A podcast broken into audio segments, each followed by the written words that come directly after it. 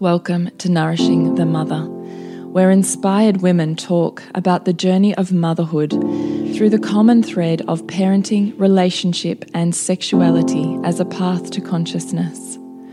We ask, in what ways can we show up more fully, live more meaningfully, parent more wholly, and love more unconditionally?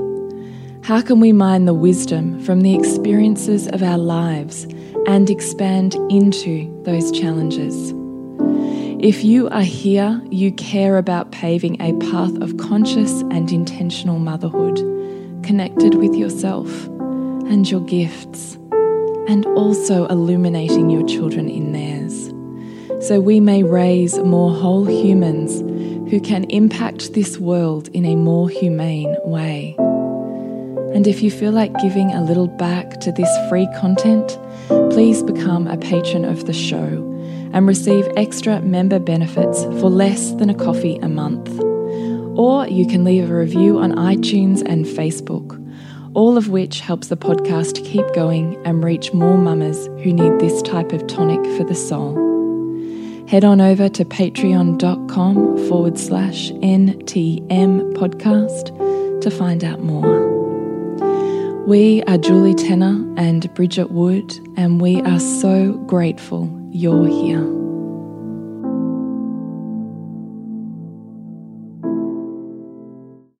Hello, and welcome to Nourishing the Mother. I'm Bridget Wood. And I'm Julie Tenner. And today's podcast is Who is Your Motherhood Authority? So, this comes off the back of a few conversations Bridge and I have been having as we've been hashing out what conscious parenting is mm. and how we find our greatest alignment and sense of self and purpose and ability to get through the hard stuff as well, isn't mm. it? Because if you've got a really strong why, then you're able to push through. Yeah. So, what can happen though is that we have these ideals like the perfect parent, we have the perfect authority in our mm. head, the right way to do things. Yeah. And I often think that's when things go awry. Mm. So, we're going to take the conversation there today. But before we do that, I would love to remind you to jump on to nourishingthemother.com.au and scroll on down to the red banner and sign up to join our tribe.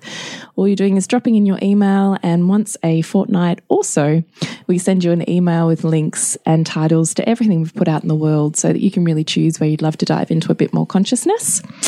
And then occasionally we'll send you another letter that's just like a conversation, an awakening, something beautiful that Bridge and I would talk about mm. that we mm. think you would like to be involved in the discussion on. So, for a little bit more conscious parenting and conscious relating, please join up to our tribe at nourishingthemother.com.au. So, yes, this topic has come up as a result of us kind of cycling back to what is conscious parenting mm. anyway, mm. and looking at, I guess, all of the influences that we have um, taken in in our parenting journeys mm -hmm. because there's certainly things or people or concepts or paradigms that I found myself revisiting as I'm in the newborn stage again. Mm.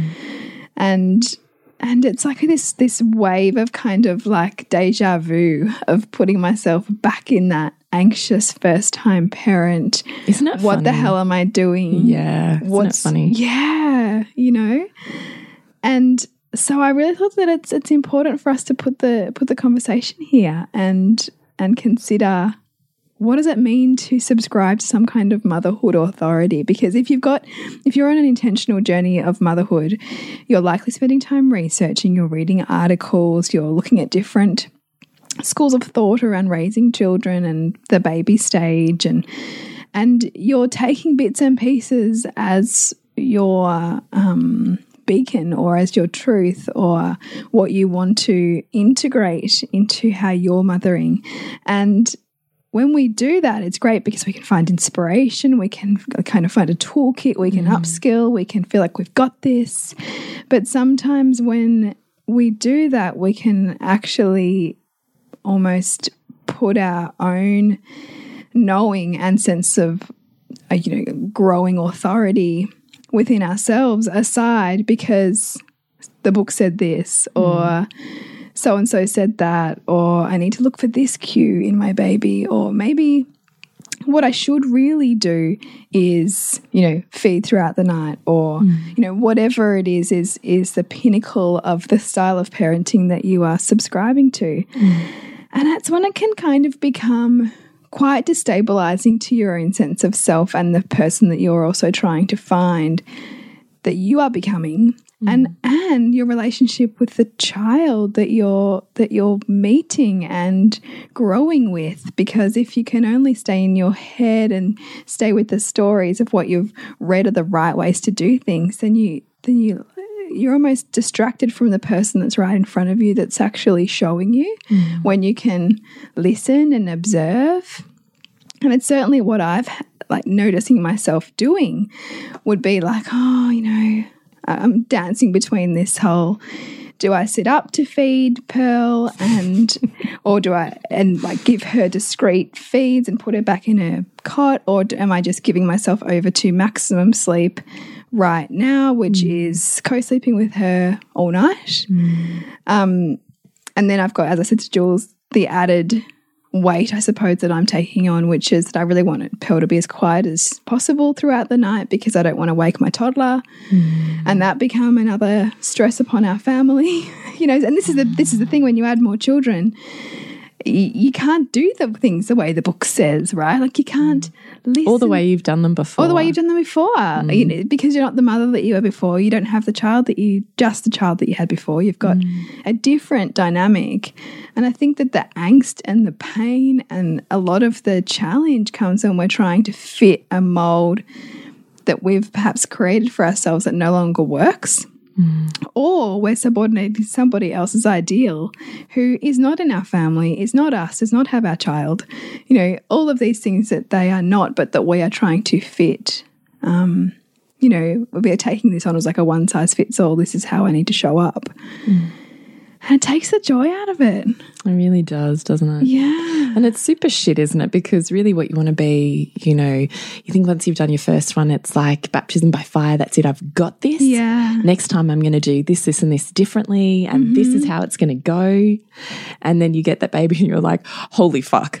and you're scrambling up the side of the mountain again, aren't you? Like, yeah. it's, I really so, like, I so get it. Mm. I really can place myself back there four different times. Like yeah. I so get it. And we just had a conversation before we started recording about you know the sibling like the dynamics and the intensity of a busy house and yeah. trying to help a baby yeah. get at the sleep and rest uh, you know and reduce stimulation that it needs in a busy house yeah and what boundaries look like, therefore, yeah. around the other kids. And you know, as we'll talk about in the next podcast, so managing those and and the family dynamic as a result of yeah. of some of the ways in which you're going to have to set those boundaries. Yes. So that's where I think, I mean, this whole title, Who is Your Motherhood Authority? I think it's so wonderful that we have this age of social media where we can have, in inverted commas, direct access to some of the greatest minds and philosophies yes. that we have never in a in a point of history had the ability to access ever before. It's quite profound, isn't it? Like to find ourselves uh, in terms of human history, it's pretty like crazy. Like that people who you would never ever ever come in encounter with you can, at a click of a button, like they can become your authority. They can become your authority. Yeah. somebody on the other side of the world with a completely different culture or completely yes. different upbringing or view of the world. Because we were so we used to be so tribal, and so yes. you you were of the people you were surrounded by, and you didn't really know the other. Yes. Whereas we're so exposed to that now. Yeah, which gives us so much choice, but it's almost like um, what's that? Word for like the overwhelm that comes with choice yeah. or I don't know but I get it but you know what I mean yeah, yeah. I do I do um what was the thought I was going? I don't know. Yeah, I so totally we no, no, that's totally fine. So I think because we have all of these voices in our oh, that's right, in, voices in our head per se, or ability to find the person who has the answer to the problem that we find ourselves in. I think it can be really hard, possibly harder than at any other point in human history, to find our right choice. Mm. Really because there's so many strong voices. Mm. And particularly as women, but I think also just as humans, we have these base level fears. And one of those is, I'm not enough. Mm. And I think that's a really normal fear of humanity as yeah. an experience in general. And we've talked in numerous podcasts before about how that serves and why it's there and how you don't get sucked into it. But mm. because we are programmed to feel I'm not enough, then it becomes another layer of when there's these really strong, congruent voices around you. How do I believe that what I'm doing is enough mm. and therefore the right, most authentic choice to take? And so freaking hard. Mm. And I also think it's really hard when you have really strong relationships with mums and parents and your mother and friends, and they're going, well, you should do it this way, or you should do it that way, or this is how I did it. And then you're still going, oh, shit, you know, how do I find who mm, I like? What, who with all, in all of yeah. this? What should yeah. I do? And I so remember also being that sort of first time mum who everybody was the first person to say, Well, you do that now, you're making a rod for your own back. Mm. If you start it now, you just, you know, you're on the road to the end. whatever road you pick. Yeah. And this sense of, you know, doomsday, which then with my second, I was like, fuck all of that. None of that's true because when I really want to change something, I know I can be congruent enough that I can change it within a week. Yeah. But then I had baby three and four. And I learned in that that also I was running from more voices, mm. you know? So I was running from one set of authorities to, to another, another, set of authorities. Just, just, you know, just swap your dogma. It's my point. yeah. Yeah. Yeah. Mm. And, um, look, baby three, I think I probably found kind of my voice. And then by baby four, I was like, I really have to, like, I don't have, so baby three, I had two kids at school. So I was home kind of like with a first, like a newborn again. Yeah. So with a, like one child again. So I had all of the space and the time in the world to devote to her and was in fact my intention to. So, changed a couple of things from parenting baby number two, but mostly was still a really classic attachment parenting slash did do a lot of release crying aware mm. parenting so that was probably she was aware parented from the beginning um, whereas my other two were my firstborn was 18 months when i started aware parenting and my secondborn was about seven months mm. when i can remember going okay you really need to cry now and i need to let you yeah but my third was aware parented from the beginning and with my fourth, I was like, man, I have got a ship to run here. Yeah. I can't do what I've done before. Mm. And part of that was tearing down all of the boundaries and the walls I had to all of the mainstream motherhood ways mm. and actually going, fuck, there's some truth there. Mm. fucking fucking damn it. Damn it. you're having to, be, and that's painful, right? And you don't want to face it because you're actually having to deconstruct a very strong identity, identity that you've attached to, freaking massive, and right? own all the things that you said were terrible. All the shadow. It's like eating your words. Mm. Or something feels like something way harder. But way that. harder. yeah, yeah, yeah, And it's like everyone around you. It's like, yeah, I told you so. Mm. I'm like, mm. I don't want to hear that. You yeah. know. But at the same time, um, I think that there are steps we can take from the beginning that that do train our we are always training our children mm. and we can choose whether we want to change that down the track or we can choose how we want to start something and i think that you can have attunement and alignment in all of that but that is really hard to do if you're subscribing to an authority mm. outside of yourself and to a you know a particular voice that says that this is the way we do things here. Right. You know, because you've got that voice and you've got another one that's slightly different. And then you've got yours, which is trying to reconcile the two, right. or three, or four, or five. Which for most of us, it's going to be at least half a dozen voices. You know, which is completely crazy making. and the important thing to remember is that, you know, especially if you've done L to L and you understand this idea of voids and values, is that all of these authorities that you might think are like the experts, they're just human like you and me.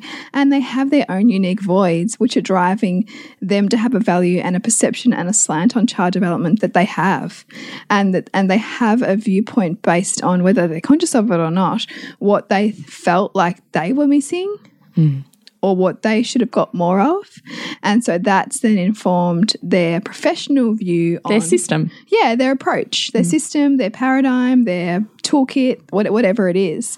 I loved having that conversation with you years ago. I think it was actually before I had my fourth born. And I was like, fuck, yes. Mm. And all of a sudden, I could look at all of these women who looked like they had all their shit together because they were so sure this was the right way to Yeah, parent. yeah. And I was like, holy shit. You're parenting from pain, and that's why you have this really strong value on, Mm. On this. whatever the thing is Yeah. that you're having a voice on. And it was such a humbling experience. And also, I think a way to really, um, like, you shouldn't have anyone on a pedestal or in a pit, right? yeah. So, this really beautiful way of humbling them in my mind, which allows me to get them off of the authority pedestal. Yeah, and I think it's really important to do if we're able to come back into connection with ourselves and with our children, mm. because otherwise, what you can do is just live it all in your head. Just mm. live it all from skipping from paradigm to paradigm, and you know, or have I done enough listening today, or have I mm. done enough? Have I listened to enough tears? And you know, and you could then you know run headfirst into if you looked hard enough a paradigm that's got the complete opposite view or even you know what what we've begun to integrate into a lot of our work which is regulation which would say Yes. that if a child is regulated Yes. it's not about listening to enough tears it's about them coming back into their own regulation therefore there's not the, the dysregulation is leading to the tears happening Mm. anymore. So, is it enough about listening to enough tears, or is it about helping your child build a toolkit Mm. to move more readily from reg dysregulation to regulation, My God. dysregulation, regulation? Can I tell you how much in this last couple of weeks, because I've just, as you know, started preparing for a maiden circle Yeah. that I'm opening. And in the process of that, have been talking to a few kind of teenage girls and certainly then reflecting on women in my women's circles and thinking, holy shit. If we all had a toolkit where we could learn regulation, mm. so which means we're able to come into our own sense of authority in any environment, mm. if we were able to regulate our own nervous system, which is what we're trying to do through mindfulness, but I think there's not probably a big enough context around Yeah. what you're doing when you're doing Yeah. practices within that mm. If we were able to one do it for ourselves so that we could be the baseline for our children to um, plug into. And two actually as children and well and also teaching our children how to self regulate their nervous system as a skill set that is essential for life i think my God, I would not see the women that I see in practice and circle going through the shit they go through mm. if they knew how to enter something that was completely dysregulating in their system and know how to work it through their system. Mm. Right. Totally agree. And I think the more and more I'm realizing too is that every story we've got and every pattern that we've that we're running is as a result of a you know unhealed, un unfelt or unfollowed through trauma Yes. that we've likely experienced between the age of zero to three. Yes. And that's twofold. So it makes parenting really difficult because parenting takes us to all of those places Yes. to feel it again. well, I think this is the thing with with nonverbals. Often women go, I just can't remember. And even when you and I are coaching, we've said, you know, can you um, sit in the feeling, what is coming up in your body? And someone will go, "Ah, I just don't even know. I can't even, I don't think I could even put it in words. And we're like, yeah, because it's pre verbal. Mm, it's an it's- implicit memory. It's in your body. It doesn't have words because you didn't have words. Mm. So you actually can't recall, you can't put words to it or have a memory attached to it, but your body remembers Yeah, it. yeah. And that's also why, like, we can have these, like, sometimes um, what seem like ridiculous rage responses sometimes in our bodies to mm-hmm. what might be an innocuous thing that our children did because maybe for us that wasn't safe. Mm-hmm. And we can't remember why we're having this feeling, but the feeling is there and the feeling is trying to you know cycle through our body to be mm-hmm. able to find its healing essentially. And so that I, so integrating that piece and looking at we're just interrupting our podcast on Who is Your Motherhood Authority to let you know about our open shame free parenting for boys course, which we recently delivered in our Soul Driven Motherhood group. And everybody seemed to love. And in fact, we've had more requests to deliver that outside the group. So I've created it as a downloadable bundle, which you can now access on our website and view the videos and engage in the group and expand your knowledge around shame free parenting for boys. As we have one banging on the door. We have one banging on the door as we speak. So, nourishingthemother.com.au, if you're not quite ready to join a monthly membership, but you would really dearly love to expand your understanding, insight, and parenting for boys, then go check it out nourishingthemother.com.au.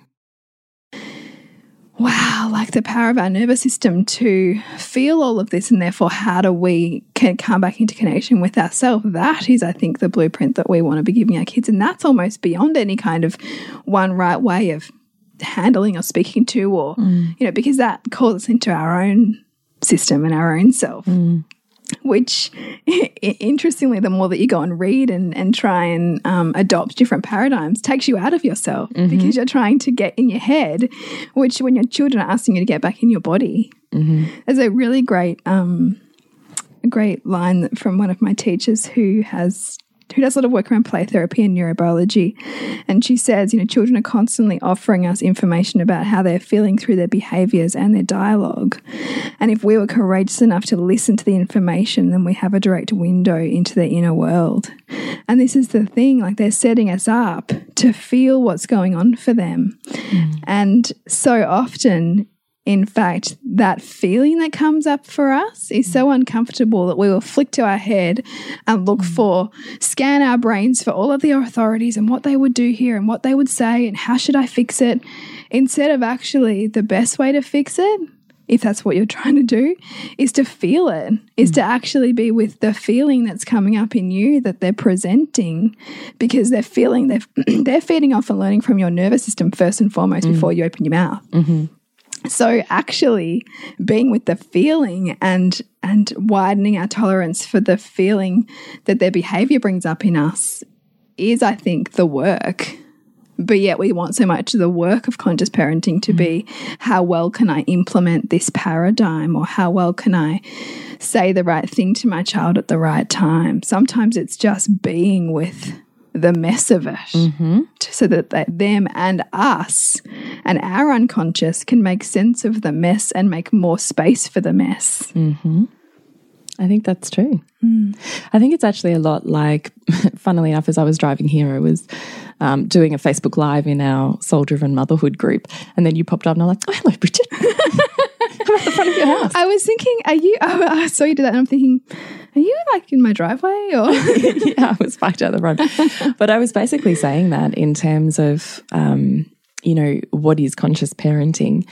And what I really wanted, having sat with women's work so much in the last few weeks, I was thinking is we need to expand what definition we ourselves give trauma and what to trauma and what validation we give ourselves in what is trauma and what isn't. Mm. Because I think we can get very stuck in um, trauma looks like childhood sexual or physical abuse. Yeah.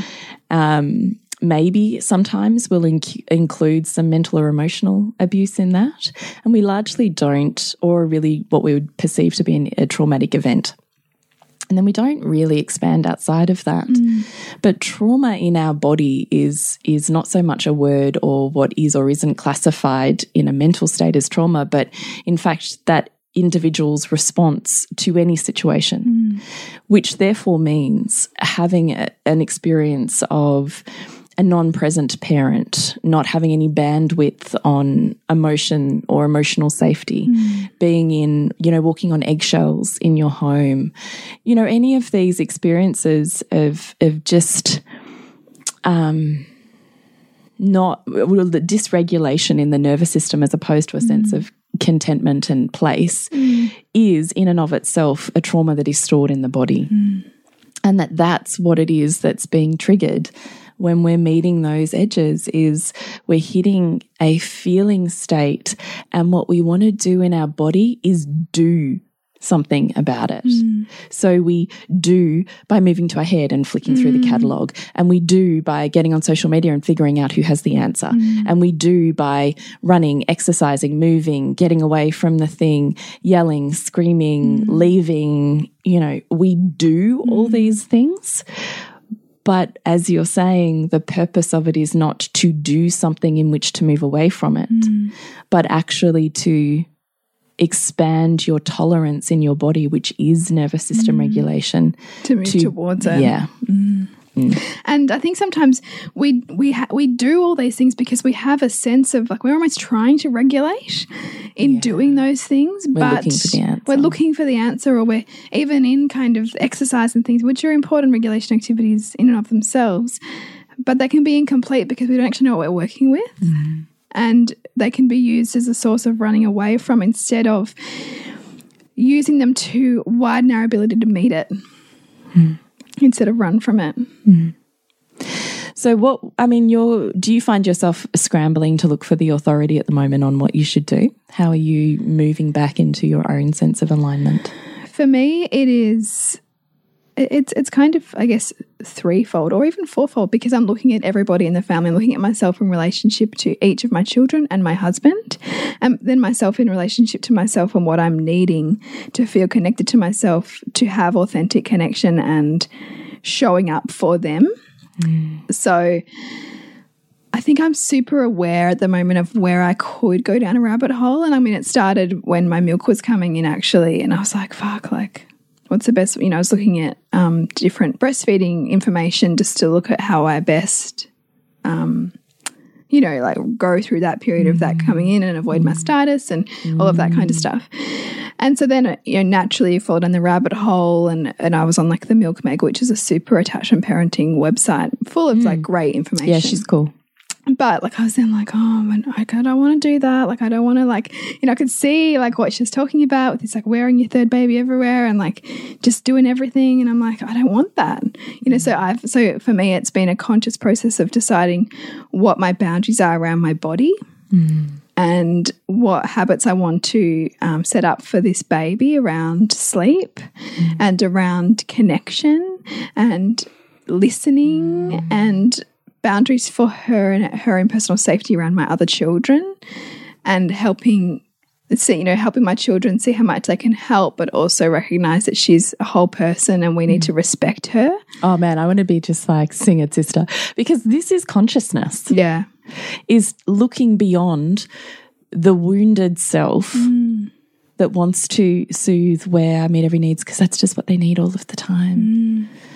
And seeing how whole and complete this soul is mm. and how perfect each and every dynamic and pawn within that chessboard is. yeah That's consciousness. and being with the disappointment and you know and that's also one good flip and in fact i'd read so i've been reading a bit of janet lansbury stuff which i, I really She's cool. I really like her, Yeah. actually. I think she's done such an amazing job of integrating yeah so me too much. because Yeah. she really respects it's about respectful parenting but it respects the whole family and it respects Yeah. the parents the, and the relationship and the individual mother, which I think is what is largely missing from classic styles of attachment yeah parenting. i would agree with that and so she was you know it was good to read one of her articles which was really just giving me permission again for my kids to be really disappointed about maybe the lack of play I can give them right now or the lack of time I can give them right now and not feeling bad about that. Mm, because in giving them permission to feel those things, you're giving yourself permission. Yeah, and also respond. that you know the mm. reality is the world is going to disappoint them. Mm.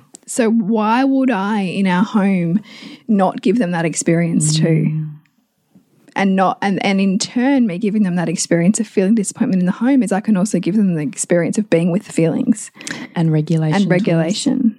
You know, and and moving through it. Mm. It's funny actually that you're saying that because yesterday I went and had a play date with a mainstream mum friend of mine, and um, she was watching me because I had all of my girls with me, and she said to me at one point, "I think it's just dawned on me why you don't find three year olds hard," and I was like, "What?" and she goes, "I think it's because you spend so much time." In toddlerhood, that you meet all of the things that Mm, that most of us, meet yeah, yeah. because she said, I think mostly in toddlerhood, what we want to do is just placate and Mm. keep them happy and calm. What do you need? What do you need? Yes, yes, oh, yes, okay, that you need all these things.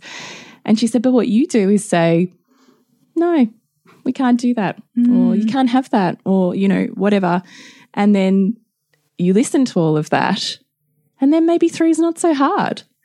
That's a pretty awesome realization. Isn't it? And I looked at her and I went, holy shit. But toddlerhood feels like Yeah. in my head, right? Explosion. yeah, yeah. But I also said to her, that's so interesting. I'm going to sit with that because there must be a level of truth in that for me mm. because toddlerhood I find really hard. But I'm always asking myself to meet it and meet it and meet it. And I'm also, as you were just saying, consciously and constantly offering bandwidth for no, mm. we can't meet all of your needs. Mm. And that that is also a training of one regulation, two expectation, and three, how to be aware of more than yourself. Yeah. Because even as a toddler, she is. Mm. Man, she knows. Mm. Like she's worked out, she says this super cute, thank you, Jade, or thank you, mummy. And we all like go, oh, it's so cute. But what you appreciate appreciates, right? So she has this. She's she figured out that we. Oh, yeah. she has figured it out. Sylvia, Sylvia already says, "What would Dad think? What will Hugo say?" Like she she already Yeah. knows like how to. I wouldn't say perform necessarily, but what their values are. I, I yes, but it's also you know under this umbrella of manipulation. Mm, yeah, manipulation Yeah, yeah. has light as much as it has shadow. Yeah, it's true. Yes. Yeah. And when we don't recognize what it consciously brings us in its light, then the shadow will come out to play. No different to the femme fatale versus the seductress, right? Everything has a light and a shadow. And it's true because I think that in conscious parenting kind of um, circles that can be, you can be led down the path of thinking that this child is so perfect and angelic and I've got to do everything to support the expression of their uh, perfection. Oh man, you know? manipulation was such a word that was so intolerable to me when people said children are manipulating. I literally wanted to vomit. Like my body had a physical reaction to the word. I was like, they can't even. How could you? Like as if they or, could. or, they're or they're only manipulating because they've got unmet, unmet Yeah. needs. You know? yeah. And then I'm watching this so perfect, you know, 20 month old or whatever going, man, you have worked this system out. Yeah. And how much is that? An incredible opportunity for our children because we're constantly in a system. Mm. It doesn't matter whether you think you're unschooling or not. Everything has a system. Yep. Whether it's whether it's a you know an, a system that you're aware of or a system that's just self It's still a system. Yeah. And they are constantly learning through the art form that is manipulation. How do I Mm. create a win win? How do I get my needs met? How do I creatively maneuver around and into and through a system? And that is fucking gold Mm. Yeah. for creating an individual. And we even even I even had that conversation with someone in our Soul Driven Motherhood group around lying and why kids lie. And, you know, ultimately they're going to lie if they think that there's going to be more benefit to them lying. You know, mm. and that's, you know, when we can say, oh, you know, but children shouldn't lie and I want to set up the, you know, the the the values in our family that we're honest. And I said and I'm thinking, yeah, but everybody lies on some level mm. because mm. human beings are conscious is it? fallible, right? like, you know, we'll tell little white lies if we can think that everyone's going to benefit from that. And even to ourselves. Yeah, exactly. To ourselves. Yeah, we probably lie to ourselves the most. Right. So, yeah, it's so interesting when you start to like break down some of those fantasies. And I think when we do that, and you've said this before, the less conscious. The, the more the more you took consciousness or conscious parenting off a pedestal, the more fun you had. Oh my God, so much more fun. Because Like, you can be freaking amazing. Well, I think you can just be more, right? Like you can just because you're not trying to live in this idyllic, idyllic, idealistic, um, full framework. of expectations. Yeah, and you can be more with who your kids are, Yeah. as opposed to thinking that you haven't done enough of this, or you need to support them more with that, or you know, there's not enough. Um, you know, they've got some skills that aren't quite, you know. Um, perfected enough or conscious enough, so I have to do more. You know, all of that. Man, I still run there. those thought processes. Um, I mean, I think, uh, but I think that you can be conscious of them. yeah you know, and yes, and yes. sometimes, you know, I want to say this too. Like sometimes it's just funny and humbling to be conscious of our own unconsciousness Mm. in a moment, in a day, and how accessible and um, real that can make us for our kids Mm. who also need permission to have those days where they are just an emotional train work or Yeah. you know like Yeah. How humbling are those days? yeah So humbling. yeah, like my daughter, like Mm. Sylvie's taking me to all of that at the moment, which we'll talk about in the next podcast a bit because you know, all of the things that you try to disown, your kids will bring to you, right? To, Mm. For you to kind of lean in and make safe and Mm. uh, and be be with. And if we stop trying to fix it and just open to it, what's then possible? So much, I think. Well, I think that's the perfect words to end on. Mm. And I have had, if you've heard any patting, I have lovely little Pearl on my shoulder. Yes. Right now. She's having a wriggle. She is. And a dream. Yeah. Yeah. And maybe a bit of a tummy funny, hey? Mm, there's a bit of that going on. A bit gurgly. I love how they move though. They're so instinctual. Oh, they are. Yeah, yeah. Like even that, she's moving to, To her body. and- yeah. Mm. Moving to her body. Like how much can we learn from newborns? Yes. Because they haven't. like, There's no learned- shame. There's nothing. No, It's there's no caging. Totally connected. Responsive. Yeah. So cool. It's really cool. Yeah, it is. So, Anyway, yes, we're going to wrap it up. If you would like to connect with us, nourishingmother.com.au to connect with you, Jules. yeah, is thepleasurenutritionist.com and Newbridge. suburbansandcastles.com. And of course, Soul Driven Motherhood is where it's at if you want to deepen these kinds of 100%. conversations. It is our monthly membership group where we are dropping courses every month. We're dropping random live streams every week. That, and I just think, how much do you need mentorship on this path of conscious parenting? Yeah. Like, I don't know how we could do it if we didn't have a really solid understanding of ourselves Mm. to see beyond. You, we, we can never see the wood for the trees in our own stuff. no. And that's what mentorship offers you is the opportunity to understand more beyond yourself Yeah. and therefore have a greater sphere of influence.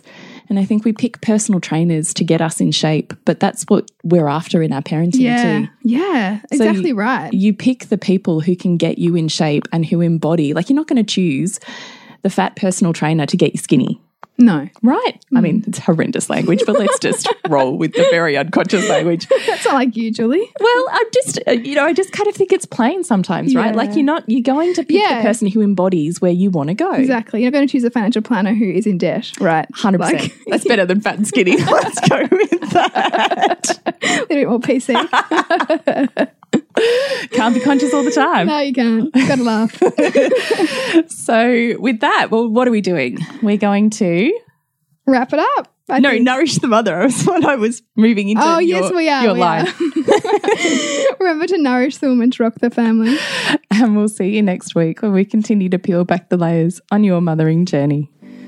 And if you want to support Nourishing the Mother and all the late nights, the early mornings, the blood, sweat, and tears we pour into our art, then please go to patreon.com forward slash NTM podcast and become our patron. As a patron, you're helping all of the cost of operating this podcast, the hosting, the editing, the transcription, helping all of that be completely covered, and joining a community who are all about honouring our journeys and continuing to open.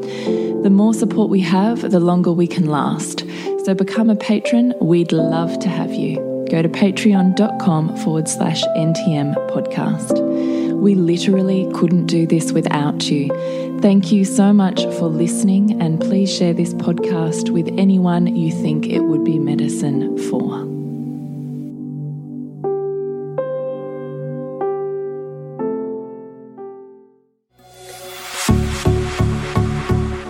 This has been a production of TheWellnessCouch.com. Check us out on Facebook and join in the conversation on Facebook.com forward slash The Wellness Couch. Subscribe to each show on iTunes and check us out on Twitter. The Wellness Couch, streaming wellness into your lives. Whilst the Wellness Couch presenter endeavor to provide accurate and helpful information to their listeners, these podcasts cannot take into account individual circumstances and are not intended to be a substitute for health and medical advice from a qualified health professional. You should always seek the advice of a qualified health professional before acting on any of the information provided by any of the Wellness Couch podcasts.